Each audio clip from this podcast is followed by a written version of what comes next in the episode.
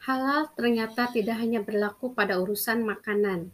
Istri yang dicerai pun jadi hal yang tidak halal bagi suaminya.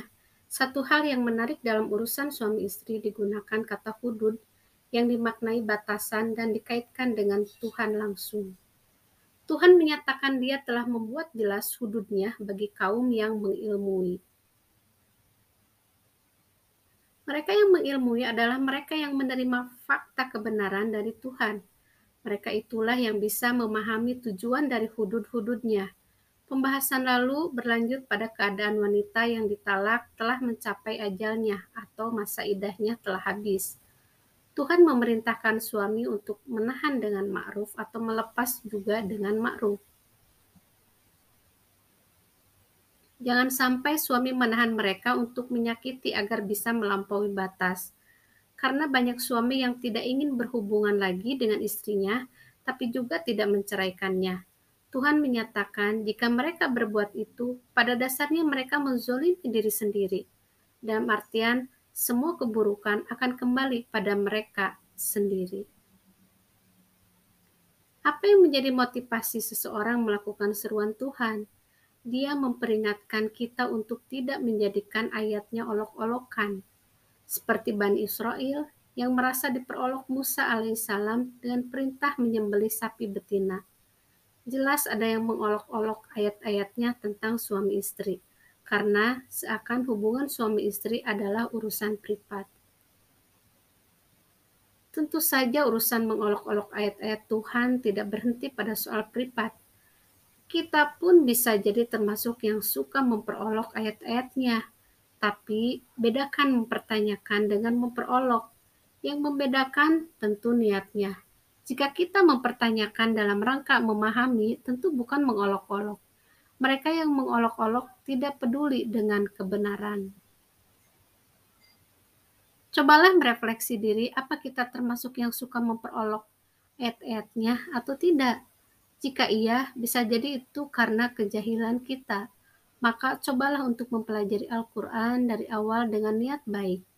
Semoga kita jadi orang yang diberi petunjuk olehnya dalam mentaati seruannya, urusan nikah dia juga memerintahkan kita untuk menzikiri nikmatnya. Seperti Bani Israel yang diperintahkan untuk menzikiri nikmat yang dia berikan pada mereka. Kita juga diperintahkan hal yang sama karena dalam pernikahan, walau ada masalah, tapi juga ada kesenangan yang kita dapatkan termasuk yang diperintahkan untuk dizikiri adalah kitab dan hikmah yang Tuhan telah turunkan. Dia memperingatkan manusia dengan itu. Dia memberi peringatan agar manusia semua bertakwa. Ketakwaan adalah rasa takut padanya atau punya kesadaran ada campur tangannya dalam menjalani kehidupan. Dia memerintahkan kita untuk mengilmui atau menerima fakta bahwa atas segala sesuatu dia paling mengetahui maka semua urusan dalam hidup ini tidak ada yang privat.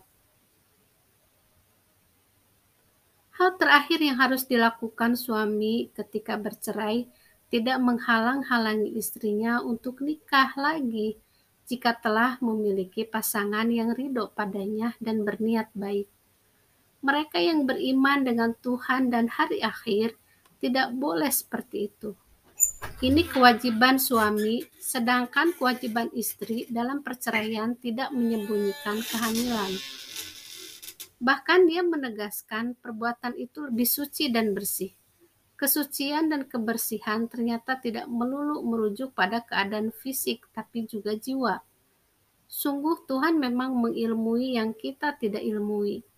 Persoalan sederhana seperti urusan dalam rumah tangga ini setara dengan hal besar seperti urusan berperang di jalan Tuhan. Tidak ada pemisahan dalam perintah-perintahnya. Keduanya sejajar dan sama penting untuk ditegakkan. Jangan menyangka dalam beragama urusan rumah tangga tidak penting. Itulah mengapa Rasulullah Shallallahu Alaihi Wasallam mencontohkan pernikahan karena pernikahan adalah unsur penting dalam kehidupan. Bukankah semua hal berangkat dari keluarga kita jadi paham bahwa keimanan dengan Tuhan dan hari akhir mempengaruhi cara kita bersikap pada manusia dan menjalani kehidupan sehari-hari. Tata cara cerai jadi penting karena banyak perceraian menimbulkan luka dan permusuhan. Padahal ada anak-anak yang juga harus dijaga dari efek buruk perceraian. Kedua orang tua harus bersikap benar ketika bercerai.